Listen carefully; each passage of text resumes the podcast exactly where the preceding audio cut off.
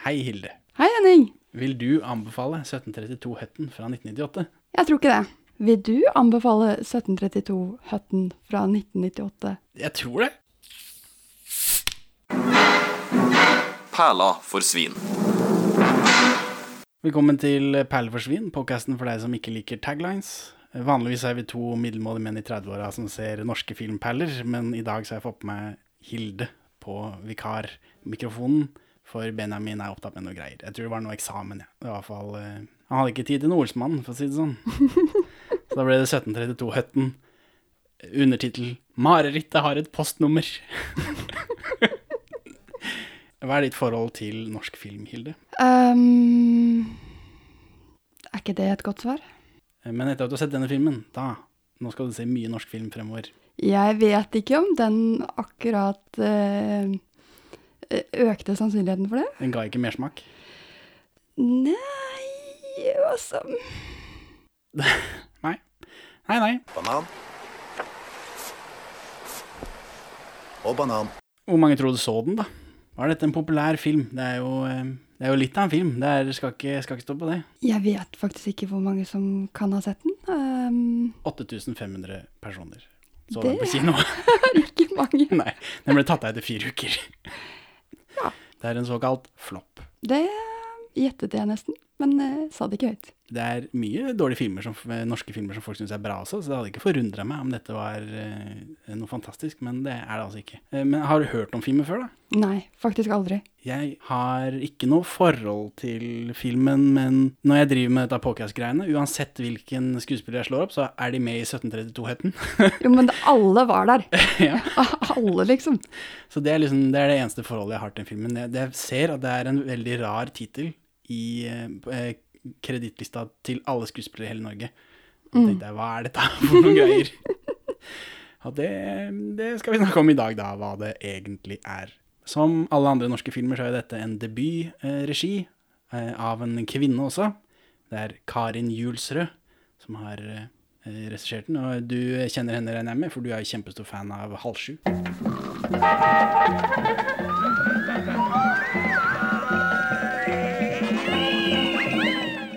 Dette programmet som gikk på s- 80-tallet, av, slutten av 70-tallet og utover på 80-tallet for ungdom mellom 10 og 14.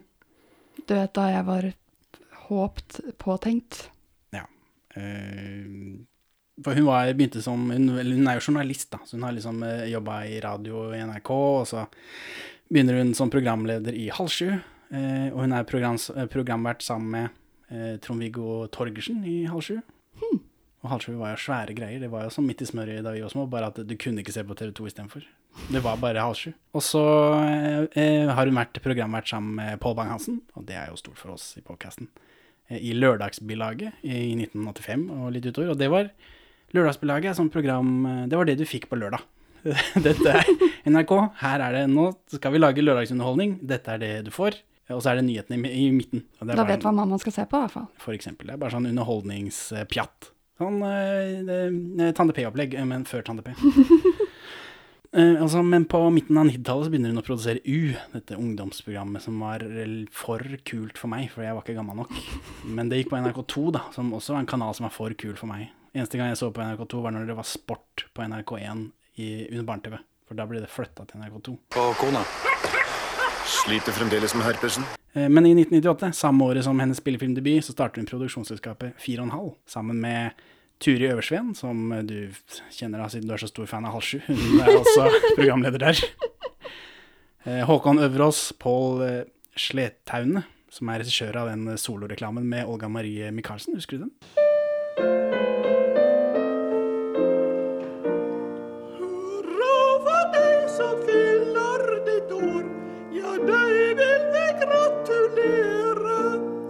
Er det hun som ikke kan synge? Det er riktig. Den Ja. hurra for deg. Ja, ja, ja. Alle husker den. Uh, og altså, har han også regissert den eh, 22. juli-TV-serien. Mm. Og Marius Holst var også med i å etablere 4,5. da. Uh, Han er regissøren av 'Kongen av Bastøy' og 90-tallsklassikeren 'Ti kniver i hjertet'. Det var den sommeren jeg fikk hemmeligheter. Kors på halsen. Mor og far i døden. Kom igjen! Ti kniver i hjertet. Hun slutt, har slutta å regissere. Det, det er den eneste regien hennes. Hun bare produserer, men hun produserer ordentlige filmer, sånn som Hå- eh, 'Kongen av Bastøy' og den Sonja Wigert-filmen 'Spionen', og filmen som Benjamin hater, eh, 'I et speil i en gåte', med Aksel Hennie og, og Liv Ullmann. Den har jeg lest. Du har det, ja. Aksel Hennie spiller jo engel. Det er mye snakk om engler i den filmen her. Alt eh, kommer rundt. Og så må vi nevne at vi er hjemme hos deg i dag, da, så hvis det er litt annen ambians i eh, lydbildet, så er, så er det fordi vi ikke sitter på kjøkkenet mitt, sånn som vi pleier. Vi sitter i eh, kontoret ditt sammen med en hund. Åssen går det? Jeg fryser på balla. Eh, Karin Julsrød, dette er hennes eneste regi, som sagt. Og om hun er det ennå, det vet jeg ikke, men i 2017 så blir hun dekan på filmskolen i Lillehammer. Så hun er liksom sjef på filmskolen i Lillehammer. Det må jeg si. Det må jeg si, etter å ha sett den. Det er nok mest fordi hun er så god til å produsere filmer, ikke fordi denne filmen er så god. Ja. ja, det vil jeg kanskje tro. Og hun er mora til Gitte Witt, hun eh, eh, dama i Pornopung. På en skala fra 1 til 10, hvor hårete baller har du? Så er filmen skrevet av Kjetil Indregard og Finn Gjerdrum. Dette er Finn Gjerdrums eneste manuskreditt, for i 1998, altså samme år som han, lager denne, eller som han har skrevet denne filmen, så starter han eget produksjonsselskap, og han produserer ting som alle Knerten-filmene, En ganske snill mann, som vi har sett og liker, det er jo en god film, og alle filmene til Erik Poppe, med unntak av Tusen ganger god natt, som er en engelskspråklig film. Kristoffer Robin er død. Med skutt i magen. Men politiet har én mistenkt. Lasse Nøff. Dette er en film med, hvor alle skuespillerne i hele Norge er med. Og Hotel Cæsar er jo en serie hvor alle skuespillerne i hele Norge er med, så det er eh, nødvendigvis en del overlapp. Men jeg tror noe av det også er fordi eh, Kjetil Indregard, eh, han andre fyren som har skrevet manus, han, eh, hans viktigste kreditt er regien på, eller selvfølgelig da, for oss i podkasten, er regien på 25 Hotel Cæsar-episoder helt fra starten, i, altså fra 1998. Ok. Eh, og så har han skrevet manus til 370 Hotel Cæsar-episoder.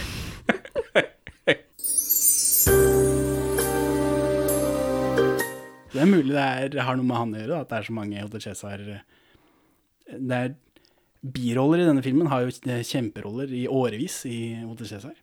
Eller så kan det være fordi at Norge er veldig lite. Det kan være det også, men det er jo påfallende da at eh, han Piccoloen Henning eh, Er det Stian Barsnes Simonsen? Jeg blander alltid han, de navnene til han og Anders Båsmo Christiansen. Det er en lang, lang historie i podcasten hvor jeg ikke vet hva eh, Anders Båsmo heter. Ja. Eh, Men han er jo med. Han, har ikke, han står ikke i rulleteksten engang. Jeg så han bare. Ja, det er sant. Og han pikkoloen Åge, Carl Sundby, han er jo også med. Han har én replikk, og han er sånn i bakgrunnen hele tiden. Og så kan det sies at alle andre som er med i den filmen, her er også med i Hotel Cæsar, eh, i både små og store roller. Ja. Men akkurat de to var veldig påfallende. Eh, Og så har han skrevet eh, han, Kjell Indregard har jo også skrevet og regissert Maniac, TV-serien som har fått en sånn Netflix-remake med Emma Stone og Jonah Hill. Og så har han selvfølgelig skrevet Burning 3, mesterverket Burning 3. Den er ganske nydelig. Skal vi begynne på filmen? Det er det jeg har av bakgrunn, sånn egentlig. Um, jeg um, Jeg sitter igjen med eh, mange følelser, og det er mye forvirring og sjokk og kjedsomhet. Det merka meg at jeg kjeda meg aldri, for her er det så mye dumt. Ja, for den hadde jo litt av alt. Altså, det er eh, barnemord, barnemordere, eh, dyredrap, Men mye Eh, dyremishandling også, egentlig. dyremishandling. Før de kommer så ja, langt. sleske prester. Ja, men, ah, det er nok bare fordi det er Bjørn Floberg som er presten. Han gjør jo ikke noe. Sleskete. Han bare går rundt og er Bjørn Floberg. Han kysser jo han politimannen på kinnet når de akkurat har møttes, da. Ja, det må være Er ikke det litt når du er, når du er prest. Han har jo sånn krage og greier. Jeg vet ikke om det er noe katolikkopplegg eller hva det er for noe. Er Jeg litt, vet ikke om eh, det automatisk gir deg rett til å kysse hvem du vil, altså. For da kysser hun ham på kinnet og sånn? Eller bare paven som gjør det, kanskje. Jeg vet ikke. Men hvordan starter denne filmen? Den starter med at en gjeng med gutter eh, overfaller en annen gutt mens de ler av at broren hans er funnet død. Ja, og i sånn oversaturated hvitbalanse, så jeg trodde dette var et flashback eller noe sånt. men Jeg også det trodde det var et flashback, og jeg håpet at det skulle gi seg veldig fort, men det ga seg aldri. Nei, den hvitbalansen gir seg ikke. Den, eh, den blir hengende igjen. Og han, øh, han ungen her sånn, han følger jo hele veien, og han var ikke så verst, syns jeg. Nei, I motsetning til mange av de Vi blir jo etter hvert blir vi kjent med den veldig naturalistiske replikkføringen i filmen her. Ja. Og jeg syns egentlig han, han Det er dette med barn, da. De leverer, liksom. De er ikke skada av teatret. Mm. Mm. Og han har en del dumme replikker, men jeg syns det var helt greit, faktisk. Så det, det skal han ha. Han eh, har selvfølgelig spilt Otto Cæsar, han heter Gaute Boris Skjegstad. Eh, Men han spiller også i Unge lovende, så han er voksenskuespiller blitt. Jeg må pisse. Denne filmen er beskrevet som en kultfilm av Se og Hør, mens eh, Karin Julsrød sier det er en postwestern. Jeg vet ikke hva det betyr, men det er iallfall eh, Det er kanskje litt westernfølelse, jeg vet ikke. Vi er jo på samme stedet, det er litt sånn klaustrofobisk, kanskje. Og så er det, det, er mye stemning. som foregår på den baren. Det er sånn småsted. Steder. Det det er en kro som vi er så vidt innom, en sånn veikro, og så er det en sånn burgersjappe som vi er så vidt innom uten at de har noe å si, og så er det den derre puben, da. Mm. Eh, Jeg vet ikke. Men vi er iallfall innom eh, på det stedet, og- det er lummert, det er dårlig stemning, og så kommer det en sånn rød, fin sportsbil med vår detektiv oppi. Mm. Han, det er eh, Reidar Sørensen, heter han skuespilleren. Han er faren til han tjukke fyren i Askeladden. Oh, ja. Og han, og han er jo faren til tjukke Pål i Askeladden sammen med Kjersti Holmen. Kjersti Holmen er også med i filmen her. Dette er jo en krim, det er veldig mange TV-detektiver med her. Mm. Det er, eh, han spiller to TV-detektiver, altså bare se hovedrollen eh, som detektiv i den filmen her. Han spiller eh, Jon Michelets eh, Wilhelm Tygesen i 1996, og så spiller han eh, Unni Lindels Cato Isaksen fra 2005 og utover. På Wikipediaen hans, som jeg antar han har skrevet selv, så står det også at han er vokalist i trønderrockebandet Freak, som jeg aldri har hørt om. Så, men han kommer kjørende i denne bilen sin, og så kommer han til et åsted, og der står det politibiler av type Volvo, selvfølgelig. Og her blir kjent, eller her går det masse folk i bakgrunnen, og det ser ut som de jobber på dette åstedet. Eh, Men det viser seg senere at det bare er folk i byen. Det virker som de er deputized alle sammen, eller jeg vet ikke hva det er for noe. Jeg syns det var et litt sånn rotete åsted. Veldig. ja, fordi Stig Henrik Hoff er her i politiuniform, så han skjønner jeg. Du skal være her. Gratulerer. Men så går Bjørn Sundquist er baki der, Bjørn Floberg er baki der, alle bjørnene er der. Eh, Trond Fausa er der. Jeg trodde at alle var etterforskere. Ja, jeg I også. starten. Det gir jo mening da, at ikke det er andre enn politi inne på dette, men det er bare random folk. Og den catcha ikke jeg før en stund etterpå, da jeg så Bjørn Floberg bak baren.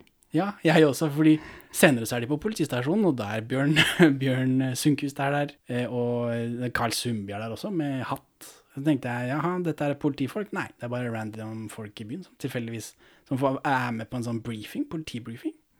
Veldig rart. Eh, Men Stig Henrik Hoff, ja, hvor mange fingre har han? Det er det du som opplyste meg om. Han har øh, ni fingre. Han tok fingeren da han eh, jobbet som sveiser og leiearbeider på jernbinderiet i Krokstadelva som 17-åring. Hurra! Stig Henrik Hoff han slår gjennom med Brenta Frost i 1997. Så han slo gjennom året før, da, så han er jo tydeligvis stor stjerne. Må være med i denne stjernespekte filmen. Han har jo nesten en hovedrolle. Nesten. Det er sant. Det er han ser vi mye av. I motsetning til andre skuespillere som Aud Schønemann, for eksempel, som bare svinser innom. Som bare dukker opp Ja. i en gardintrapp. Ja, det tar det når kommer til. For nå er det Brent av Frost. Brent av Frost den er mest kjent fordi Gøril Mauseth eh, saksøkte NRK og vant i Høyesterett. Er det der hvor de ligger ligger oppi fisker? Det, det stemmer. Det er eh, Stig eh, Henrik, da, eh, som eh, er eh, liggeren sammen med Gøril Mauseth. Dette var i forbindelse med at Kill Buljo eh, lagde jo en parodi på den scenen. Mm. Og så for å illustrere det, så viste NRK her er parodiscenen. her er Gøril Mauseth naken. I fiskebåt. Dette er det den parodierer. Og så har Det står på internett da, at Gøril Mauseth hadde en konsul i kontrakten sin om at den eh, nakenscenen ikke skulle brukes ute av kontekst. Ah, Men hvis det er for å illustrere dette er det den andre scenen er bygget på, så syns jeg det er en Det er ikke konteksten i filmen, men det er jo en kontekst. Det jo ja, absolutt. eh, jeg, når jeg stjal Ravner klipp, så hadde jeg brukt det på den måten. Mm. Men jeg vet ikke Hun vant jo, da, i Høyesterett. Er det meninga at alle At alle som tar klipp, må lese gjennom alle kontraktene til der det klippet kommer fra? Er det sånn er det, sånn det må være? Eller kanskje det har med at eh, det er en nakenscene. At eh, man har enda mer eierskap til nakenscener enn man skulle tro. Jeg vet ikke. De ble felt for brudd på sitatretten. Ville, jeg ville brukt det. Det er I god tro. kanskje kroppsspråksitat. Jeg jeg vet, ikke, jeg vet ikke hva det var for noe. Fy faen, her lukter det dritt. Stig Henrik Hoff er eh, gift med Varg VM og Hotell Cæsar-skuespiller og, og vaksinemotstander Sølje Bergman. Jeg finner ikke noe om Stig, Henriks Hoff, eh, Stig Henrik Hoffs Jeg finner ikke noe om hans eh, forhold til vaksiner. men, eh, men han er ute og sier at han er stolt av kjerringa si som tør å stå i, i vinden, da. Ja. Så jeg antar at han ikke er sånn super eh, sånn glad i vaksiner, han heller. Eller hun sier jo at hun ikke er vaksinemotstander, hun sier at hun er eh, skeptisk og, og stiller spørsmål eh, som uten sammenligning med Sølvi Bergman er akkurat det samme som alle konspirasjonsteoretikere og vaksinemotstandere sier. Men nok om kona hans. I 2011 så drar Stig Henrik over dammen og spiller inn The Thing prequelen, som ingen liker. Og akkurat nå er han aktuell med den der HBO-serien Velkommen til utmark. Andre folk som er med i den scenen her sånn, det er en svenske i politiuniform. Han skjønner jeg, han skal være der, han har politiuniform på. Men hvorfor er han svenske? Eh, han var vel bare i nærheten, da. Det er, det er han, eh, han spiller morderen i Villmark. Å oh, ja! Den har jeg faktisk sett. Ja. Um, Jeg vet ikke. Det er det jeg har på han. Det er bare en fyr. Han spiller morderen i Villmark. eh, Og en overraskende stor rolle her. Mm. Men han gjør ikke så fryktelig mye av seg til å ha en så stor rolle, syns jeg. Nei, det sitter jo ikke Nå er det liksom Det er jo det stjernelaget her, da. Så det er ikke han eh, fyren fra Villmark jeg husker. Han i kjole i Villmark. Det er ikke han du sitter igjen og husker. Det, det er jo liksom alle de andre gærningene som du liksom kjenner igjen. Men eh, han hadde mye å gjøre. Han hadde masse replikker. Han var sånn fetchit-type. Gå og hent det, gjør det, gjør det. Så han var mye på skjermen. Det, altså Trond Høvik, der er han, han er, Men han virker å være sånn polititype. Han, Ja. han sjefen hans? Sjefen? Sjefen i politidistriktet der. Ja. For eh, er det, er Ramm eller noe sånt? Han heter han detektiven. Han er jo kalt inn eh, fra store, storbyen Oslo. Og i den, og i den scenen her så blir vi eh, møtt med, med dialogen for første gang. Her er eh, det, det, Kona sliter med herpes, jeg fryser på balla. Det er liksom Det er klassisk norsk. veldig Men det er sånn parodiaktig. Mm. men de gjør det på ordentlig. Det er ikke parodi, men det kunne vært det. Og saken, da. Liket som er dratt opp. Vi får se det så vidt. Kjenner du han igjen? Fordi han ligger og er død. Du ser ansiktet hans opp ned i et kvart sekund. Og så er det lite grann på en VHS senere. Men det er Kåre Conradi. Å ja. Jo, Kåre Conradi er kanskje den av dem jeg tenkte med en gang at han har jeg sett før. Ja, Men det sier kanskje noe om mitt forhold til Kåre Conradi. Ja, det er det der, du har jo, nå sitter vi jo på kontoret ditt, og det er jo tapetsert av det bildet hvor han er artisten ute. Så jeg, skjønner at du har et litt spesielt forhold til Kåre Conradi. Men faren til Kåre Conradi, Jakob, var med i The Monkees fra 51 til 54, før han ble reklamesjef i Esso. Det syns jeg er morsomt. Eh, Men saken er at Kåre Conradi er død, og så er Jon Øigarden borte. Og dette settes i sammenheng med eh, en jente som er drept i høtten tidligere, et år eller hvor mm. med Downs syndrom, en tenåringjente med Downs syndrom som er drept tidligere. Og dette blir ikke Filmen åpner med det mobbegreiene, og så går det rett over til eh, han eh, detektiven som kommer i den røde bilen sin, og så, og så ser han i mappa si, og der er det bilde av Kåre Kanadi, det er bilde av Jung Øngaren, det er bilde av en jente med Downs syndrom. Ferdig. Og så, skal vi bare, så må vi bare gjette resten selv. Det kommer senere. Men jeg vet ikke om det var Jeg ble jo gående og lure, da. Hva er dette? Men det ble ikke gående og lure på en god måte. Så jeg, ikke, jeg var ikke nysgjerrig. Hva er dette? Jeg bare Hva er dette? Jeg trodde fortsatt på det tidspunktet at dette kom til å være en slags komedie. ja, ja, for jeg har ikke forklart hva det var for noe, nei. Nei. Jeg har med vilje eh, styrt unna plottet. For jeg te- tenkte det må jeg, jeg må bare oppleve det, jeg må la det skylle noe meg. Og så får jeg heller prøve å lese tørre fakta. Ikke bli spoila. Så, men det er det som er saken. Eh, og nå skal han finne liksom Jon Øggarden, da. Og så er det mer bilkjøring, og det er en grusom versjon av the, When the Saints Come Marching In. Og When the Saints Come Marching In er et gjennomgående tema i den filmen her. Det kan du si. Men den, akkurat den versjonen er kjempedårlig. Vondt. When the saints go oh, when the saints, oh, when the saints go marching in. Og så kjører vi forbi Trond Espen Seim, Varg Veum, sjølveste Varg Veum. Mm så Han spiller råner eller noe. Dette er hans spillefilmdebut. Han er jo veldig tøff og skummel, da. altså han har en sånn Og skinnjakke. kjekk. Ja, men det tror jeg han er uansett. Ja, det er sant. Uansett når. Eh, Det er er verdt å merke seg at uh, Trond Espen Seim ikke er fra Bergen, visste du det? Ja. For Varg Vemsk er jo fra Bergen i bøkene. Og det var kjempekrise. Mm, det Og, husker jeg. og uh, Trond Espen Seim var ute i eh, tysk TV og snakka dritt om Bergen i tillegg i 2008. De Varg VM-filmene begynner vel i 2007, tror jeg. Og da eh, han, Jo, han beskriver Bergen som en betent kvise til tysk TV. Eh, Og reiselivsdirektøren i Bergen, Ole Varberg, reagerte. Har vi fått inn begge sider av saken her. Men han lager tolv VM-filmer, da. eh, Fra eh, 2007 til 2012. Og jeg har sett alle. Har du det? Ja. Jeg har ikke sett noen, jeg sparer til podkasten. Det er etter Olsmannen som blir Varg VM, kan jeg tenke meg. Han er med i den The Thing-prequelen som ingen liker, da. Matte suger. Så kommer Kjersti Holmen og Ingar Helge Gimle, Norges mest hårete mann. og, og de er foreldrene da, til Kåre Conradi, til Jon Øigarden og til enda en fyr, han derre mobbeungen. Det får vi vite her, da, at han mobbeungen Å ja, det var ikke flashback til morderen eller hva, Nei, morderens barndom eller hva det pleier å være. Det var bare en scene kronologisk tidligere i filmen. Og de kommer for de skal jo avhøres, eller de skal jo bli fortalt at eh, sø- sønnen er død, vi leter etter den andre, hva er det du vet? Men de har med seg hver sin katt. Ja, det skjønte ikke jeg helt. Det er litt sånn pussig når du skal avhøres av politiet. Men er det kanskje for å sette stemningen for at de kanskje er litt pussige? Alle her er jo pussige ja, ja, men tror du ikke de hadde klart det uten, da? Inga Helge Gimle er jo veldig pussig i den filmen. Her. er Han trenger ikke den katten. Han er veldig flott, eh, en lekker hestehale som passer han eh, og hans tynne hårmakke veldig godt.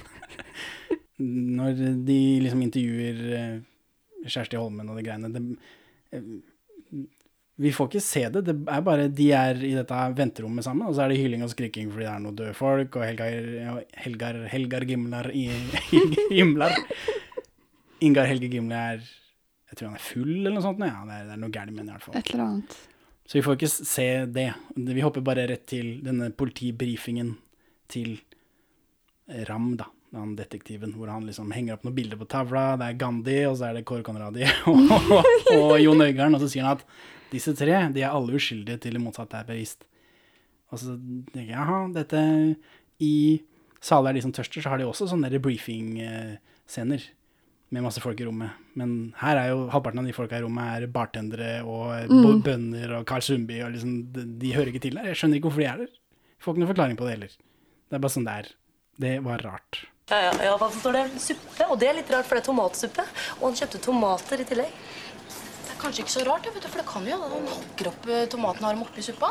Ja, ja, for da blir det mer kjøtt, på en måte. Carl Sundby, ja, han sitter her, og så ser vi ham et par ganger senere, men han sier vel bare to ting. Eh, han spiller jo Åge Nygaard i Hotel Cæsar, selvfølgelig, men han Jeg fant Jeg driver jo og roter i Midt i smørøyet. Først og fremst fra 1996, for det den, Det er noe med den, den midten av 90-talls Midt i smørøyet-estetikken som tiltaler meg, når de har sånn digital bakgrunn og det greiene der. Men der har de en episode om skuespill og om film og sånn. Og når de da skal snakke med en skuespiller, så snakker de med Carl Sundby. Ja. Og dette er i 1996, det er jo to år før Hotel Cæsar. Hvem var Carl Sundby i 1996? Jeg vet ikke. Det er i tidligere sesonger av Midt så har de også eh, eh, sånt intervju med skuespill og sånt, fordi da er det også en episode som handler om film, da, for det er liksom folk eh, De som så på Midt i smøret i 1990, er jo voktet av Midt i smøret i 1996. Eh, og der snakker de med Espen Skjønberg, og det kan jeg forstå, for han er jo en sånn grand old man, en ordentlig fyr. Men Carl Sundby i 1996, det, det skjønte jeg ikke. Så jeg prøvde å, liksom, å slå han opp. Da. Han, det, jeg finner, han har skrevet teaterstykket Absolutt eh, Blåmandag. Altså det som av filmen Absolutt Blåmandag er basert på. Tomater oppi suppa. Ja. Det blir liksom litt mer kjøtt, da, på en måte. Stig-Henrik sparker en av disse kattene. Ja, det er også utrolig unødvendig, Ja, syns jeg, ufint. som uh, kattemenneske. Det er ufint at de Ja. plager disse dyra gjennom hele. Gjorde gjorde de det på ordentlig? Vi ser bare den katten fly, og han liksom beveger seg. Vi ser ikke at foten treffer katten, men noe her, den katten beveger seg, jeg vet ikke. Den sklir bortover. Noe, jeg tror noen har kasta den, ja. Sånn, Eller var det en, liksom. eh, en uh, Stuntkatt. stuntkatt? Rommet koster 200 kroner natten, inkludert frokost. Går det an å be om cornflakes? Honningkorn. Og så er det noe avhør rett i kamera. Det er en gammel gubbe som sier han eh, så noe, han så en bil, man kunne ikke se hvem det var, og bla, bla, bla. Det er ikke noe dette har noe med noe å gjøre. Og så er det noen kule ungdommer, blant annet Aksel Hennie. Der har jeg notert meg Max Manus. Max Manus ja. Aksel Hennie. Det, Ja, for, for, ja, ja, for deg så er han Max Manus, ja. For, for meg er han Max Manus. Og veldig god innleser av uh, Sult. Hvis du noen gang har lyst til å høre den på lydbok, hør den lest av Aksel Hennie, så får du ikke sove. Eh, Det, så du kjenner, tenker ikke på han som han eh, tyskeren i The Martian? Nei, eller jo, for Hva med så side, sidekicken til eh, The Rock i Hercules? Det er vel det han først og fremst ville bli kjent for, tror jeg, som Hollywood-stjernen Aksel Hennie. Ja, altså Nei. For de av oss som har sett en del Midt i smøret på 90-tallet, så vet vi at uh, Aksel Hennie først og fremst er tagger i Oslo-miljøet, fordi han dukker opp der.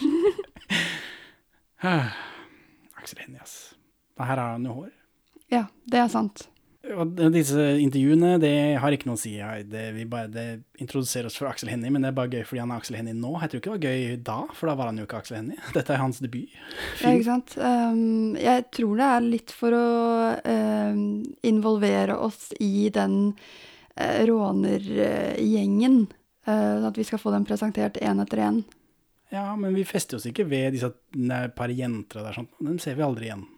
Aksel Hennie Aksel Hennie fester seg ved meg fordi han er Aksel Hennie. Jeg tror ikke jeg hadde lagt noe spesielt merke til han ellers. Han har jo noen replikker og sånt, men, men det har jo han svenske politimannen også, liksom. Ja. Og han husker jeg jo ikke, så selv om jeg akkurat har sett filmen. Så det hjelper å være Aksel Hennie eh, når du først er Aksel Hennie. Og så klipper vi rett herfra til Aud Schønemann går opp en gardintrapp. Hun er bare tilfeldigvis på kamera. I kirka eller noe sånt, tror jeg. For, Ja. Fordi Bjørn Floberg er der, han er prest, og så eh, holder For uh, Aud Schønemann er liksom oppe på den trappa, og så er hun litt sånn ustø, så han tar henne på rumpa. Ja. Og, men der, hun, hun er såpass høyt oppe, så vi ser ikke ansiktet hennes. Hun er ute av frame, liksom. Vi ser henne kanskje mikrosekund. Mm. Og det er det vi ser Aud Schønemann enn så lenge. ja, ikke sant. Tenkte jeg, ja, Aud nei, borte. ok, ja vel. Eh, og Bjørn Floberg er prest, da. Eh, da tenker jeg det er han som har gjort det. Det er han som er morderen. Det er film over. Og han, han er veldig intens og ubehagelig, men jeg tror det er bare fordi han er Bjørn Floberg. Ja. Veldig god skuespiller til den rollen, vil jeg si. Ja, men han spiller jo bare Bjørn Floberg-rollen. Jeg vet ikke For han spiller vel også en litt sånn forskrudd politimann i Varg Veum-filmene, gjør han ikke det? Eh, jo, han spiller jo eh, sånn Jeg vet ikke, jeg har ikke sett Varg Veum, som sagt, men han spiller en sånn makker til Varg Veum, tror jeg. Om Ja, ikke han er sjefen eh, hans. sjefen eller, hans, ja. Ja, Eller noe sånt. Så han også er jo med i alle disse Varg Veum-filmene. Mm.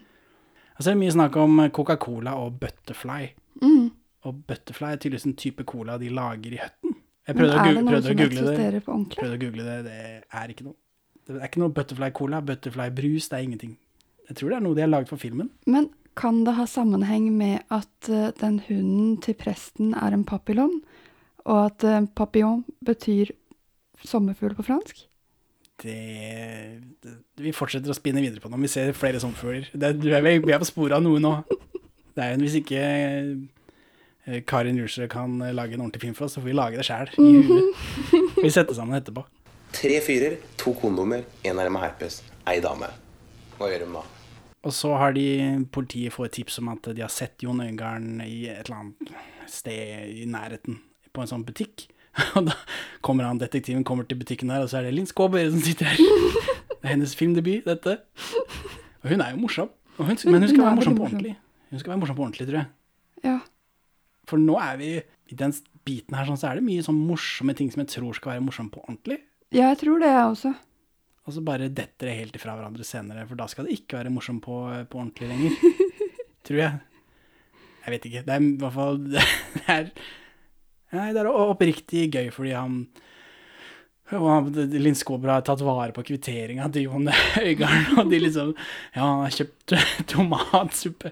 Og det er litt rart, for han har kjøpt tomater i tillegg, og så er det en annen dame der som sier at ja, men det kan hende han vil eh, ha de oppi tomatsuppa. Det er liksom, det er bare For å få mer kjøtt i suppa. ja, og så klipper vi tilbake til eh, detektiven som er inne på politistasjonen og forklarer akkurat det samme, at det må ha vært for å få mer kjøtt i suppa. Og det er jo Ja, det, det høres eh, i hvert fall dumt ut når jeg gjenforteller det, men, men det var eh, oppriktig morsomt. Og så gøgger han andre i den andre kondomen. Og så vrenger han første den, eller han siste, og den sånn. Og så blir da all gøggen den blir da inni. Skjønner? Og så etter, når han har fortalt at eh, de hadde tomatsuppe på kvitteringa si Dette her er jo et blindspor, det fører jo ingen sted. Det er jo bare Vi må fylle ut tida her. Og så sitter En annen, det er en politidame i resepsjonen der, eller i stasjonen der også. Laila Goody. Er det hun som får klippet håret? Ja. For her For her sitter hun ved resepsjonen sin, og så er Trond Espen Seim der. Og det virker som de har noe på gang, trodde jeg, men vi ser de aldri sammen senere. Fordi han klipper håret hennes mens hun henger over pulten her sånn, og hun henger over pulten her for at han skal klippe håret hennes. Tror jeg. Det er ikke, det er ikke mobbing, eller det er ikke, han er ikke ekkel når han gjør dette. Det er bare det er noe de er enige om at dette må vi gjøre her. Og Men er det kanskje et frampek til den scenen seinere hvor han eh, klipper opp ballen til han gutten? Ja, for da, Aksel Hennie sier jo at uh, han fyren her han eh, studerer for han skal bli frisør. Mm. Så det er jo, han er jo frisør tydeligvis, da, men, men uh, jeg, Det er litt ut av det blå, hvorfor- kanskje. Ja, det er for først eh, så skjønte jeg ikke. Det er ikke sånn man introduserer denne fyren er en frisør. Ved at han klipper håret til noen over en politikvinne over resepsjonsdisken, på en måte. Det, ble, det kom veldig ut av det blå, og så blir jo ikke brukt til noe senere heller. Det er ikke som om liksom, det frisørgreiene er en viktig del. Det blir introdusert Her har du en fyr som klipper hår. Senere får vi forklart han studerer til å bli frisør. Og så er det er det. Det er ikke noe mer med det frisørgreiene. Hvis ikke han eh, Hvis ikke det er han som klipper artisten til Inga Helge Gimle fordi han er så god med saks. Kanskje det? Det er iallfall eh, dårlig fortalt, i så fall. Uansett eh, Han kiden kommer innom Nei, eller han, eh, han detektiven prøver jo Han har jo et litt sånn bånd med denne minstebroren. Han som ikke har drept noen spoilers enda. han, han prøver liksom da å få et sånt forhold til han fordi han Mm. syns synd på han, antar jeg. Han mangler, Denne kiden mangler jo noen eh, eh, voksenpersoner, ja. Så det skal liksom bety noe når han krangler med denne personen som kom inn i livet hans dagen før. Men mm. det, det, det er greit. Det er mye rart den filmen her gjør, men akkurat det skal den få. Mm. Jeg skjønner det, selv om ikke det er det flotteste. Og så følger vi han kiden på skolen, og da er det noen som har, av disse barna som har drept katta hans. Det altså, og liksom å tappe med seg den på skolen i en pose og lagt ved, ved pulten hans. Ja, for der også misforsto jeg og trodde først at han hadde tatt den posen med seg. Ja, det- Han gutten. Ja, fordi når han åpner den posen, så sier han mobbefyren at for eh, Jeg husker ikke hva han heter engang, Nikolai eller Nikolaus eller et eller annet sånt. Og han har tatt med, han har drept katta si og tatt med seg på skolen, sier han Ja, det lukter skikkelig ekkelt. Ja, og da trodde jeg også litt grann at det var det det jeg hadde han med seg i den posen, for jeg fulgte ikke godt nok med, tydeligvis. Men, men det tror jeg ikke. Jeg tror det var noen mobbegreier. Mm. Tror jeg. Du er vel vant til sånn ordentlig Coca-Cola, men her drikker vi bare Butterfly. Og så får vi en scene hvor hvor detektiven treffer eh, presten Bjørn Floberg på gata. Bjørn Floberg har jo en sånn papillonbikkje, og den har bæsja. Og så truer han detektiven Floberg med bot hvis ikke han plukker opp etter hunden sin. Og så er det ikke noe mer med den scenen. Det har ikke noe å si, annet enn at liksom Her er vi. Og Bjørn Floberg er jo Bjørn Floberg, da, så det blir jo veldig intenst. Men det er jo på grunn av han. Det har ikke noe med materialet å gjøre. Men så får de beskjed, politiet, da, at de har funnet Jon Øigarden på en veikro. Banan og banan. Og så kommer han fram til denne kroa, og så står han og spiser pizza på utsida. Eller på, liksom, han har kjøpt pizza på veikroa, pizzastykket, og så står han ved bilen sin og spiser. Vi får ikke noe. Vi får ikke se han gå inn, vi får ikke se han lete etter Jon Øigarden. Nå trodde jeg at dette var At han kom dit. eh, Pizza først. Pizza er første prioritet, Jon Øigarden andre prioritet. Mm. Men det viser seg jo, det virker jo som etterpå da, at han har allerede lett etter Øigarden, og han finner ikke han. Men dette blir ikke fortalt til oss. Er det der han fyren dukker opp i baksetet på bilen hans? Ja, fordi han, liksom, han spiser pizza, og så setter han seg inn i baksetet, og da regner jeg med det er fordi han har gitt opp og skal kjøre hjem, og da ligger Jon Øigarden bak i bilen hans. Ja, ikke sant. Så det syns jeg var det er dårlig fort, fortalt. Jeg blir forvirra av alt som skjer her. Jeg òg. Nå har de iallfall funnet Jon Øigarden, da. Hurra. Og Jon Øigarden, eh, han er jo en Han pleier å spille en spesiell rolle, en spesiell type. Det, han gjør det her òg. Det er samme fyren hele tida. Han, han er en fyr som bare spiller seg selv hele tida, tror jeg. Men han er veldig flink til å spille den typen, da. Ja, jeg tror det kommer ganske naturlig for han. han er en sånn ADHD-fyr, så det har vel noe med det å gjøre, kanskje. Det er ikke jeg som er farlig, det er dem. Dem? Så Jon Øigarden, da, han sier i avhør her Han skylder vel på jeg, som sitter her i 2021. Jeg eh, tolka det som at han skylder på bygdedyret. At bygdedyret har liksom drept broren hans for noe han sa eh, på kødd i fylla. At han, han hadde vel Mm. sagt da at han hadde drept denne jenta på kødd i fylla. Men jeg vet ikke, jeg tror ikke de hadde begrepet bygdedyret i 1998. For det viser seg at det er, når han sier at de, det er de som har gjort det, liksom bygda har gjort det, så er det bygda som har gjort det. Det er liksom, Hele bygda har gått sammen for å drepe han. Det er ikke, det er ikke i overført betydning bygdedyret som jeg trodde, det er eh, bokstavelig talt hele bygda som har drept den. Spoiler. Ball? Det er ikke noe ball, dette. Det er jo Det er to sånne der kilehatter!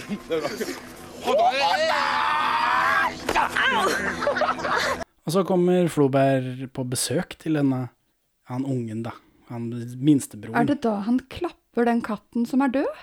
Ja, eh, det Jeg tror det. Jeg Og sier sånn fys, fys, fys, fys. Ja, det For han, ungen han skulle egentlig spille pianokonsert i kirken, og så vil ikke han gjøre det. Og så kommer Floberg og er veldig intens med han. På Mm. en sånn hyggelig ja, På en sånn i- Prestemåte. Eller på en sånn 'kom inn i smuget her, jeg vil bare prate med deg'-måte. Den, den der 'jo, kom inn her, jeg skal bare snakke litt med deg', liksom. Det er den Han er hyggelig når han sier det også, men han er jo veldig intens. Jeg skal bare overtale deg til noe. ja. Uh, Så han er veldig intens med at du må komme og spille likevel, og så koser han veldig intenst med en katt som han, eh, gutten holder i armene. Og så viser det seg senere at han skal begrave en katt, så jeg antar det er samme Det er jo den samme katten som han uh, fikk på skolen. ja, men jeg, som var død. Jeg leste jo ikke det som at den katten var død når Bjørn Floberg klappa han. Å, det gjorde jeg! Ja, det var det jeg syntes var så freaky. Du er jo lurere enn meg, tydeligvis. Da. Men jeg skjønte det ikke. Men, også, men mens han driver med det, og liksom han er på vei av gårde, Bjørn Floberg, så kommer han detektiven, og så skremmer han bikkja til Floberg. Hva var det godt for? Helt sikkert fordi han ikke plukka opp etter hunden sin. Ja, men han gjorde jo det. Etter at han har fått kjeft, så det siste som skjer i den scenen, er at Bjørn Floberg tar ut en eh, plastpose, og så kutter vi det. Så jeg antar han plukka den opp. Hm. Og det er jo ikke bikkja sin skyld at ikke Bjørn Floberg eh, er unødvendig å drive og plage en bitte lille hund, stakkars. Veldig sant. Og så er det noen begravelser av den katten, så tenkte jeg ja, der er det, har den katten vært død hele tida? Jeg tror, for de hadde jo tusen katter, eller de hadde jo i hvert fall to katter med seg på det der dumme avhøret til å begynne med. Og så er vi barn der, da. Og der uh, Bjørn Sundquist er en morsk bartender. Han sier ingenting i den scenen her. Han bare fyller øl. Det høres ut som han fyller mest skum. Ja. Jeg vet ikke. Sundquist, for meg så er han en fyr som snakker morsk til deg. Mm. Her er- går han jo bare rundt og er morsk. Så, men han har jo en sånn aura, da. Han har jo en sånn Sundquist-aura. Kommer ikke unna den. Det er eh, du vet, eh, du vet at det er en litt sånn tung film når du har begge bjørnene. Du er liksom Dette her det skal bli, det skal bli hardt. Jeg var faktisk statist i en scene med Sundquist. Oi. Det Jeg fikk litt ståpels i korsryggen. Men eh, det hvor og når og hvor fløy og hva skjedde? Eh, det var eh, Småbyliv med eh, Robert Stoltenberg. Han hadde mm, sagt til NRK at de skulle eh, se etter funksjonshemmede statister. Og spoiler, jeg er funksjonshemmet. Og jeg meldte meg, så klart, fordi jeg regna med at NRK aldri kom til å noensinne ville ha sånne som meg på TV igjen. For det ble med den ene gangen. uh, ja. Mm, så um, da skulle han uh, spille en prest eller et eller annet. Bjørn Sundquist, altså. Ikke Ja. Robert Stoltenberg. Jo, Han han, også? også. Han skulle spille en prest som etter sigende skulle kunne helbrede funksjonshemmede. Ok. Men Så du var på kamera? Jeg var på kamera, hadde til og med replikker. Jøss. Yes. Det er jo mye mer Det er jo en rolle. Ja, de, Hvis ikke har, hvis ikke så er Aksel Hennie statist i den filmen. her. Sant nok. Ja, men eh, tok, eh, stort tok. Robert Stoltenberg på det, da? Det tror jeg faktisk. Ble du helbredet da? Eh, det ser ikke sånn ut. Men eh, ja, ja, nei, dette Hvorfor har du ikke fortalt dette før? Herregud, dette er jo store nyheter. Tenk Tenk, tenk på den. Her sitter jeg sammen med noen som har tatt på Robert Stoltenberg. Han går på yrkesskolen, du åssen linja går på? Frisørlinja. Tilbake i denne baren, da, så har eh, disse pøblene på utsida, Aksel Hennie og Trond Espen Seim og, og, og Trond Fauste er vel der også. Fau, Mm. Fause? Fausa? Han også er en sånn fyr som bare spiller én type rolle, og han Ja. gjør det her òg. Men eh, de, de er der, og så har de punktert eh, den røde, fine bilen til, eh, til Ram, og han er veldig sint. Så prøver han å ta servitøren, og han, eh, han Det er dette post-western-greiene til Karin Julsrud. Han er jo ikke en, en sånn white hat. Han, er ikke, han gjør ikke alt rett. Han har ikke en god moral. Han er Nei, han er uh, slem og fæl. I vanlige sånn, vanlige sånn eh, detektiver så er det, jo, så er, er det jo veldig sånn moralsk uh, gråe fordi de drikker mye. det, er liksom, det pleier å være det eneste. Men her er han er jo slem. Ja. Han er sint da, fordi bilen hans har gått stykker. Skjønner han godt, det. Jo da. Jeg vet ikke om han løste den situasjonen på best mulig måte. Nei. Nei, Han tar tak i den servitrisa, så sier han det er du som har gjort det.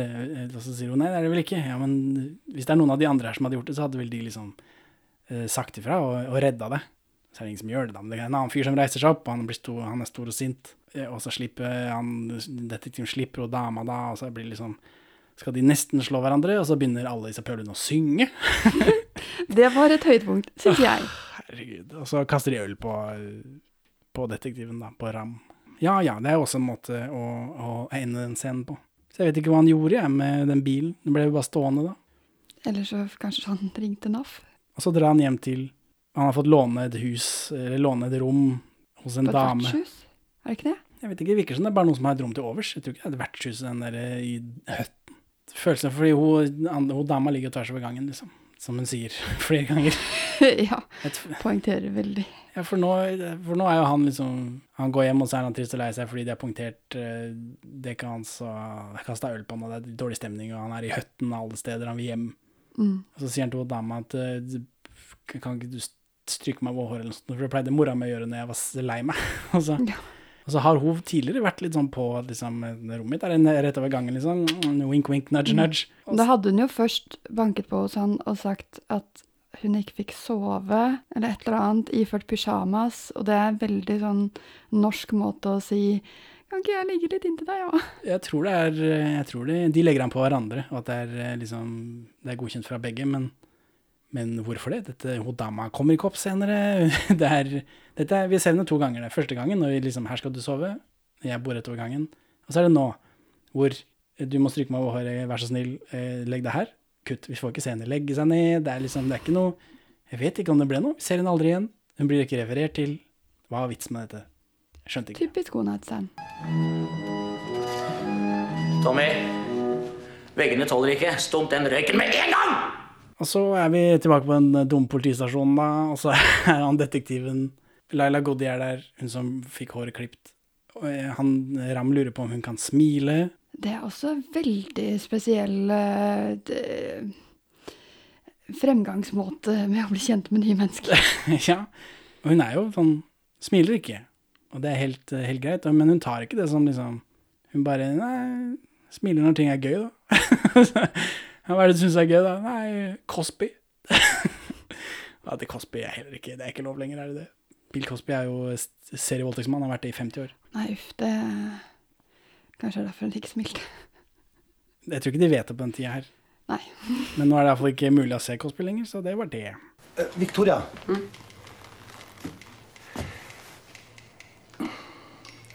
Smiler du noen gang?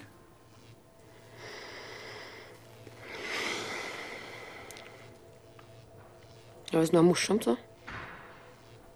Hva er det som er morsomt, da? Mm. Cosby. Cosby. Hmm.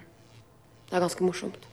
Men inne på politistasjonen så kommer han kiden på besøk, og besøker broren sin Jon Øigarden, tror jeg. Og de står, bare, de står og tisser sammen i en sånn pissoar, og så snakker de om tissen til han uh, kiden. Og tenkte jeg, hva er dette for noe? Det var en veldig spesiell storebror-lillebror-samtale. Nå har jeg verken vært storebror eller lillebror, men uh... Nei, det, det er ikke Man pleier ikke å engasjere seg så veldig i tissen til brødrene sine. godt å høre. Ja, Det er ganske stor forskjell, aldersforskjell på disse òg, så jeg vet ikke. Ja, absolutt. Så, men han, Øygarden lurer på om tissen hans har vokst noe særlig. Altså, ja, han vokser hver dag. har du fått noe hår på han, bla, bla, bla. Liksom. Men her tror jeg at de tror at de bygger karakter, da. I det minste. Jeg kan Mm. se at kanskje at man blir bedre kjent med disse, at de har et sånt brødreforhold hvor de snakker om tissen til hverandre, da, men at det er en måte at de har At de er hyggelige med hverandre på. Det er vel også kanskje for at uh, seeren skal kanskje få et litt bedre inntrykk av storebror. Ja, det er nok noe sånt. Og så går den kiden ut, da, og da kommer Trond Espen Seim i bilen sin og har med seg masse bøller for å plage kiden. De legger mye, Det er mye engasjement. Han har jo tydeligvis kjørt rundt og henta folk da, for, å, for å drive og plage han ungen. Blant annet Aksel Hennie, selvfølgelig. Og her kommer det fram at, at Trond Espen Seim er frisør. Ja, ikke sant. Fordi han har med seg saks, han klipper opp ballen til den ungen, og så klipper de håret hans, og så klipper de tåneglene hans også. Jeg vet ikke om det er noe frisør Det, gjør. Er- jeg tror det er litt utenfor frisøryrket, for å si det sånn. Jeg vet ikke hva de driver med på I hvert fall å klippe til man skriker og gråter. Eh, Det var en mann som ringte og sa at han hadde sett en engel i fjøset. Og så er han detektiven sammen med Bjørn Floberg igjen. De bærer inn bibler fra bilen til Floberg. Jeg vet ikke hvorfor. Trond Fausa sitter inne i kirka der og spiller orgel og røyker. Eh, Bjørn Floberg sier 'du kan ikke røyke her, det tåler ikke veggene'. Og så neste scene så sitter Eller neste gang vi klipper tilbake til ham, så sitter Bjørn Floberg der og røyker i kirka der, for da har han jaga Trond Fausa, da.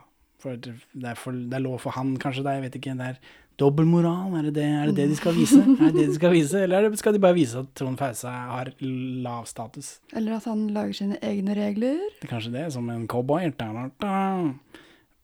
Vet ikke. Jeg vet ikke, det kommer ikke tilbake. Det har jo ikke noe å si. Jo, det, de det er en liten sånn throwback til det helt på slutten, hvor, eh, hvor han sier til han detektiven at ikke han kan røyke på, på barneskolen. For her begynner de å snakke om at de leter etter engler. Mm. Det kom helt ut av det blå i den samtalen her. Eller har jeg gått glipp av noe?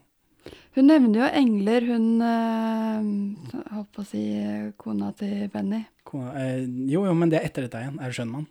Det er etter det igjen, ja. Ja, det er sant. Fordi nå begynner dette englepreiket. Tenkte jeg, aha, de leter etter engler, hva i alle dager betyr det? Ja, og hvorfor er det så innlysende hva Altså, det virker nesten som at det er et sånt Og det er et begrep alle eh, på en måte forstår i den bygda. Og det forsto ikke jeg helt. Nei, ikke jeg heller før liksom senere, når de kommer inn på den der Burgers in Heaven, og der er det noen engler og noe Mm. greier. Så jeg skjønner Da skjønner jeg hva de snakker om. Men her sånn De begynner å snakke om engler i Han er jo prest, da, så, men de snakker jo om dette det drapet og, og greier. Og så, så blir de enige om at de leter etter engler, og så neste scene er Aud Schønemann i avhør, hvor hun forteller at gubben hennes er skutt av en engel eller noe sånt. Og så, ja, så sier hun ja, han bare kom inn, så løfta han hånda. Og så spør de hvordan løfta han hånda? Jo, sånn her. Og så løfter hun bare hånda over hodet. Fin slutt. Eller altså, Aud Schønemann slutt. det skjønte jeg ikke noe av. Er det liksom har gubben hennes blitt drept, tenkte jeg. Er det mer mysterier? Er det liksom, nå er det sånn, den vigilante gjengen, har de begynt å liksom ta for seg andre folk også? Nei. Eller, det får vi i hvert fall ikke forklart. Vet ikke, er det meningen at hun bare er gæren? Ja, for der skjønte jeg absolutt ingenting. Ikke i det hele tatt. Det er hyggelig å se henne, da. Ja, ja, alltid hyggelig å se henne. Det er jo nest siste filmen hennes. Hva er den siste filmen hennes, da? Uh, jeg vet ikke. Olsemannens aller siste stikk, selvfølgelig. Nå er vi på pub, og Stig Henrik, som jo er en slags deputy Man skulle jo tro de jobba sammen, eller nå tror vi de jobber sammen, samtidig som han er veldig sånn ubehagelig. Ja, jeg liker han ikke i det hele tatt. Nei, jeg tror Og jeg pleier å like han. Men de drikker, drikker på puben her, da. Han og så Ram. Her kommer det fram at Ram er allergisk mot uh, Tsjekhovs nøtter. Mm. Men det syns jeg var sent i filmen å liksom introdusere. Så tenkte jeg ja, sånn som den filmen her holder på, så jeg kommer sikkert ikke tilbake. Men det gjorde det faktisk, eh, på en måte. Jeg kommer til det. Det gikk noe mening når det kommer tilbake. Og her, nå begynner Sundquist å, å prate. Han lurer på litt om hva Ram hadde gjort, om, om alle hadde drept uh, Kåre Conradi, om liksom to stykkene hadde drept den, 200 stykkene hadde drept den. 2000. Men uh, vi får ikke noe svar. Han sier ikke hva han ville gjort. Og så er det Jan på Røssåsen som har sett to fremmede som drakk øl på utedoen hans og så ut som de hadde glorier. Så er det natt. Eller dette kryssklippes vel med at de sitter her og drikker og forteller om Tsjekhovs peanøtter. Eh, Og han kiden blir vekka av at noen spiller piano. Og så kommer Ingar Helge Gimle, som jo er faren hans da, og, så, og, og sier ja, han, tar, han, han har en sånn planke, han går liksom ned. Hva er dette for noe? Mystisk. Og så er vinduet oppe, og så roper han ut av vinduet «Hei, du liksom ikke kom tilbake, eller hva det er for noe. Han Mm. går ikke bort til pianoet. og så går de opp igjen, og så begynner det piano å spille igjen. For han har ikke sjekka stua da, eller jeg vet ikke, han gikk bare rett til vinduet. Og så går han ned igjen, og så, å, men han går fortsatt ikke bort til piano, som er der lyden kom fra. Nei, det skjønte ikke jeg helt, og jeg skjønte ikke helt heller eh, med en gang Først så trodde jeg at det var at han gutten drømte at han spilte piano, eller noe sånt noe. Eh, og jeg kobla ikke helt det at de ikke I min oppfatning virka det som at de ropte ut til utenfor at de skulle slutte med pianospilling. Og så tenkte jeg, men hvem er det som har et piano i hagen? Ja, nei, nei, det ga ikke eh, Enda en scene som ikke gir noe særlig mening. Men nå kommer det iallfall masse folk i hettegensere og med maske på, eller med sånn finlandshette på, og så Mm. omringer de Ingar Helge Gimle, og så kidnapper de han tydeligvis, da. Får vi vite senere, riktignok.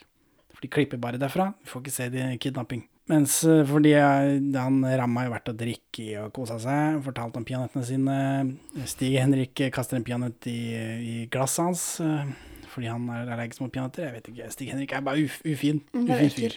Guffen. Og så er det jentene på skistua som sier de har sett en ufo. Og så er vi tilbake på politistasjonen. De får en truende telefon fra disse kidnapperne. Det er mye som skjer i den filmen her, egentlig. Men da sier jo også kidnapperne at han spiser frokost med englene. Ja, men de har jo eh, Ingar Helge Gimle i den bar, den Burgers from Heaven-sjappa med engler. Og det er engler. da han forstår den eh, engle... I hvert fall sånn jeg oppfatter det. Det er da han forstår den englereferansen. Ja, jeg forsto det sånn Akkurat i det øyeblikket så ga det mening. At, fordi kidnapperne vet hvor de er hen, eh, og det er noe englegreier der. Men jeg syns ikke det gir noe mer mening senere, når han kaller alle disse byfolka for engler og sånn noe. Kanskje de kaller seg for engler fordi at de har den baren som det, Eller den burgerstedet som det eneste stedet å gå til. Ja, eller sånn uh, hevnengler. Men nå kommer jeg til å tenke på at den engelske tittelen på den filmen er jo Bloody Angels. så Ah, da gir ting mening! gjør det det? Gjør det det? Nei. Nei. Men uh, de får iallfall Det går opp for dem da at han Helgar, Helgar Gimlar Ingar eh, er, er på denne burgersjappa. Eh, Så de forter seg dit, og der, der sitter han. Han er Hva heter det? Han har delirium, han er ikke helt med. Han har jo Det er mye blod i skrittet, de har tydeligvis klippet han tissen da. Åh, det, jeg fikk vondt i den penisen jeg ikke har. I fantomtissen. Fantompenisen. Jeg gjorde ikke det, for jeg syns ikke det var så dårlig. Det var så dårlig, det traff meg ikke. Det er rart, men. Kanskje jeg har et bedre forhold til peniser enn det du har. Jeg har jo fått sånn fantomsmerter i fantompenisen min, jeg også, av andre filmer. Men her sånn, det berørte meg ikke i det hele tatt, fordi filmen er så tullete og sånt noe. Jeg blir eh, ubehagelig berørt senere når vi kommer til en VHS-tape. Så den kan jo, men akkurat her sånn traff meg ikke i det hele tatt. Jeg. Eh, og i dette så kommer han, detektiven kommer bort, 'Å, går det bra med deg, liksom, bare ser det ut som det går bra med han, tenker jeg da. Men eh, Inga Helge Gimle, han tar, han på, på, tar seg selv på skritt, selvfølgelig, for han har så mye blod, han sier han har blod i hånda, og så tar, tar han han detektiven i ansiktet med tissemann-blodet sitt. Det er, jo liksom, er det blod fra hånda eller blod fra tissen, det er jo det samme, det er jo ikke, Blod er blod, si. blod er blod, si, sa brura. og så, og så når de liksom, når han er så nærme på, så tar Inga Helge Gimland han tar pistolen til han detektiven, for det har han. Og så prøver han å skyte seg selv, og så går ikke det, av en eller annen grunn. Han får det ikke til. Og så sier han Oi, det gikk ikke. Ja, den funker ikke, eller noe sånt. Ja. Den funker ikke, for han er jo helt på bærtur. Jeg tenkte, ja, men driver disse politifolka med, med pistol? Men her sier de iallfall senere da, at liksom, har du lov til å ha den pistolen? Og så sier ikke han verken ja eller nei, men han har selvfølgelig ikke det da. Mm. Men det, de oppklarte det så mye her, sånn, så blir presentert for en situasjon, så får vi forklaringen etterpå. Det er litt sånn irriterende, men akkurat her sånn, så det gikk greit, for den kom rett etterpå. Uh, Men da har vi i hvert fall introdusert for den pistolen, da, sånn ti minutter før filmen er slutt. Sjekk oss pistol. Ja. Eh, Det, er jo, det er jo det det er. Ja, ja, ja. Forresten er det ikke fest i kveld. Dwayne har lovt meg en dame med kjempehjul. Så er vi tilbake på politistasjonen, og det er, litt, det er mye fram og tilbake her. Og da får uh, svensken uh, får en stein i hodet. Gjennom vinduet. Gjennom vinduet. Ja. Og han, uh, detektiven Raman jager etter en fyr, og så får han endelig tak i han i en sånn litt sånn French Connection-inspirert shot, spør du meg, da. Hvor han er på vei opp en sånn trappeoppgang. Mm. For han skal gå over Det er en sånn overgang over toget. Og så får vi liksom skutt uh, ovenfra og ned. Og det, ja. Men uh, han får iallfall tak i han uh, fyren med, med hette, hettegenser og maske og sånt, og det er dun, dun, dun. Stig Henrik Hoff. Han har vært skurk hele tida. Han er ikke bare kjempeubehagelig, han er også Han er også skurk. Han er også skurk. Og uh, detektiven blir selvfølgelig sinna da. Han blir sinna, han tar skoen hans og slår han i ansiktet. Som helt sikkert da er eh, et eh, lite sånn eh, hunch eller hinch eller eh, knagg til eh, starten av filmen der eh, Stig Henrik Hoff sier 'Se hva jeg fant! Jeg fant en sko! Den hører sikkert til morderen!' Og så sier han ja, og så flink du har vært, sier han på begynnelsen, og så kaster han bare den skoen bort, for det er det Mm. dummeste han har hørt. Så det er jo en sånn Og så tar han av han skoen, og så sier han 'Se hva jeg fant! Jeg fant en sko!' Og så slår han den i ansiktet. Ja. Så, ja, det er et tilbakepekk, men hvorfor, er det for å lette på stemninga? Hvorfor gjør de dette? Jeg skjønner ikke. Nå skal du Det- begynne, nå er det liksom, det er intense greier. Det er, de klipper av peniser, det er liksom Er den morsomme Se på alle disse rare bygdefolka. Den biten der er vel ferdig nå, er det ikke det? Det er veldig eh, forvirrende. Men så, mens han driver med liksom og slår han i hodet med den skoen, så kommer det masse andre folk som også har hettegenser og, og finlandshette på. Og så banker det på han detektiven, han Ram. Og de mater han med nøtter, sier de. Vi får ikke se dette, vi bare vi står på utsida av den uh, trappeoppgangen. Hvor de Det liksom får ikke jeg med meg. Nei, kom med godteri, hvor er godteri? Gi nøtter, for han sjekker oss uh, peanøtter. Ja, ikke sant. Ja. Men i den peanøttscenen så forklarer han at han blir skikkelig dårlig av det. At han liksom At han spyr og Ja. Ja, og så sier han og Stig Henrik Hoff får det gå an å dø av det òg. Jeg kjenner noen som dør av det, men det er jo ikke den erfaringen han, han eh, Ram har. Så nå banker de han opp med masse lyder direkte fra et sånt lydbibliotek. Det billigste lydbiblioteket du finner. Dette er tegneserieslåssing. Og så driver de også og mater ham med peanøtter, men han kaster ikke opp, han blir ikke dårlig, han dør ikke av det. Why? Why? Hvorfor? Hva var poenget med Tsjekhovs peanøtter? Jeg skjønner ikke. Ikke heller. Der, der eh, falt jeg litt av. Etter dette så går alle disse folka tydeligvis eh, til kirka, for de skal synge i kor i den konserten som han kiden skulle spilt piano i, som ikke han har lyst til. Han gjør det ikke heller, selv om Floberg har vært der og plaga han. Og her Karl Sundby er og synger i kor, Trond Espen Seim synger i kor, Stig Henrik Hoff synger i kor. Aksel Hennie er veldig høyt eh, Han er veldig langt framme i miksen, syns jeg, i korsynginga. Mm. Jeg syns jeg hører han hele tiden. Og dypt inni der sånn, så står jaggu han eh, som spiller Henning i Hotell Cæsar. Ja.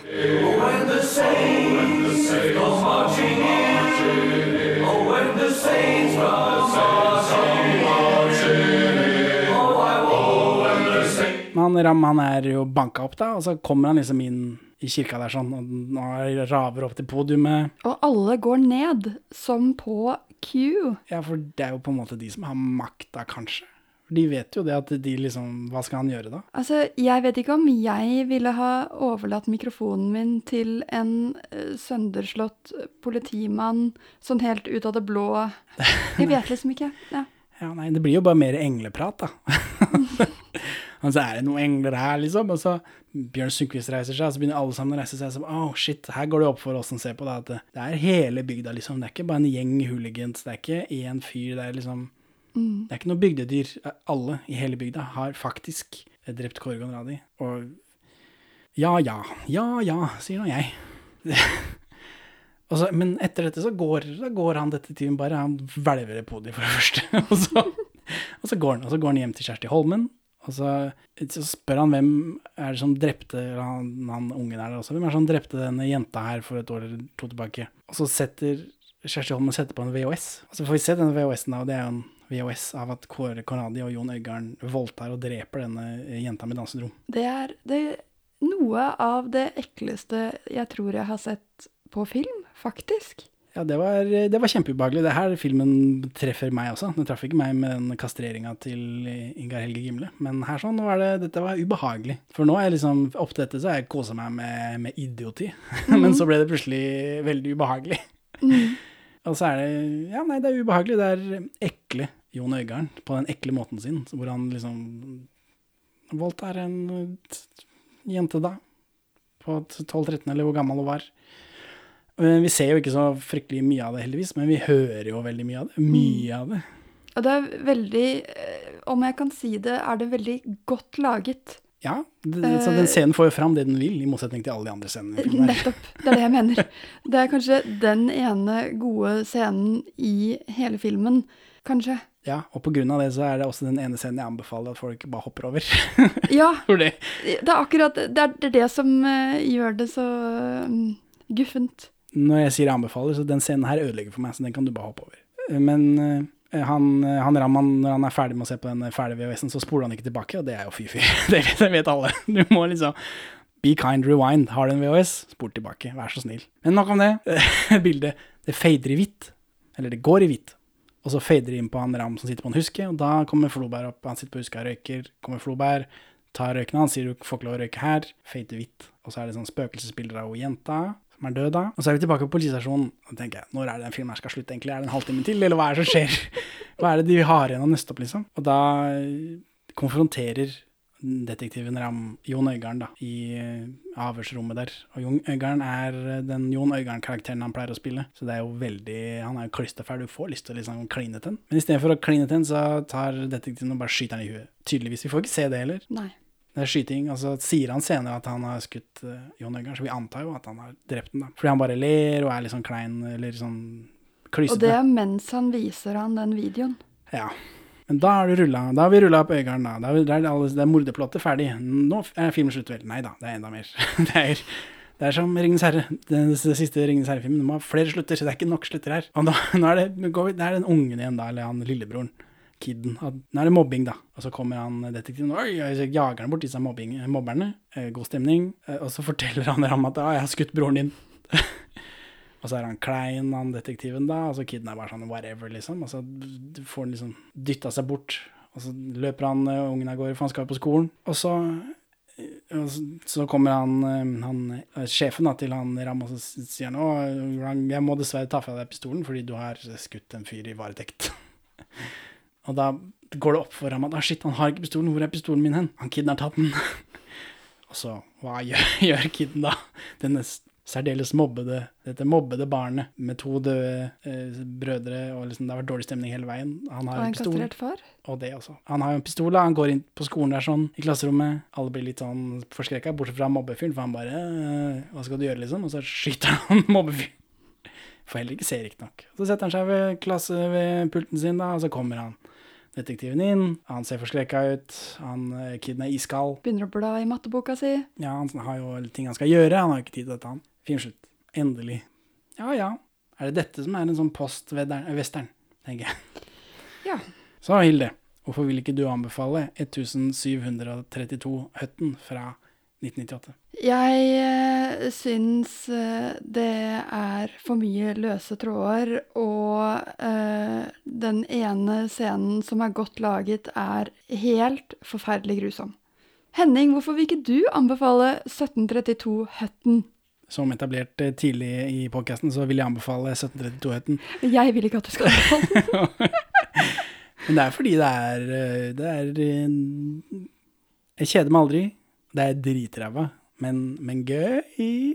Cringe, tror jeg ordet. Cringe er ordet. Ja, jo, jeg ser den. Så er det, den, det er den ene scenen da, eh, som er veldig ubehagelig når de voldtar en jente, så den må de gjerne spole over. Men utenom det så er det egentlig stas. Eh, Jeg blir alltid overraska over den lange prosessen det er å lage en film, og så er det ingen på noe sted da, som ser at dette er en skikkelig dårlig film, vi må slutte med dette.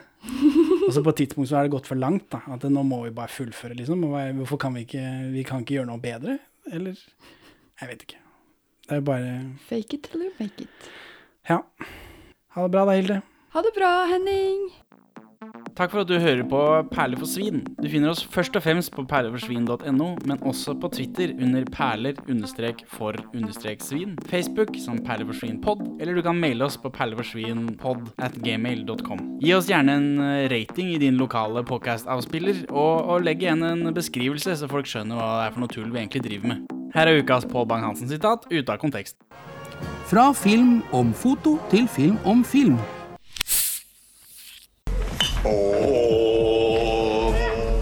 Dette skal være Nicolas sin skål, hurra! Og dette skal være Nicolas sin skål, hurra! Og skam for den som ikke Nicolas sin skål vil drikke. Hurra, den skålen var bra, hurra! Og det henviser jo også han eh, Sundquist til når han står bak eh, disken på den baren, gjør han ikke det? Men her så... det er 2000 mennesker som har gått sammen for å gjøre det. Spot on Sundquist. Det er som å sitte med en eh, sånn satiriker. I am just a lonesome traveler through this big wide world of sin.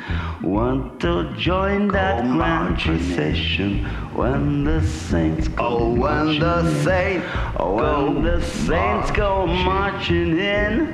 When the saints go oh, Lord, I want, Lord, to I want to be in that, number. When the saints go when the saints go marching in. All my folks have gone before me. All my friends and all my folks have gone before me. When the saints go marching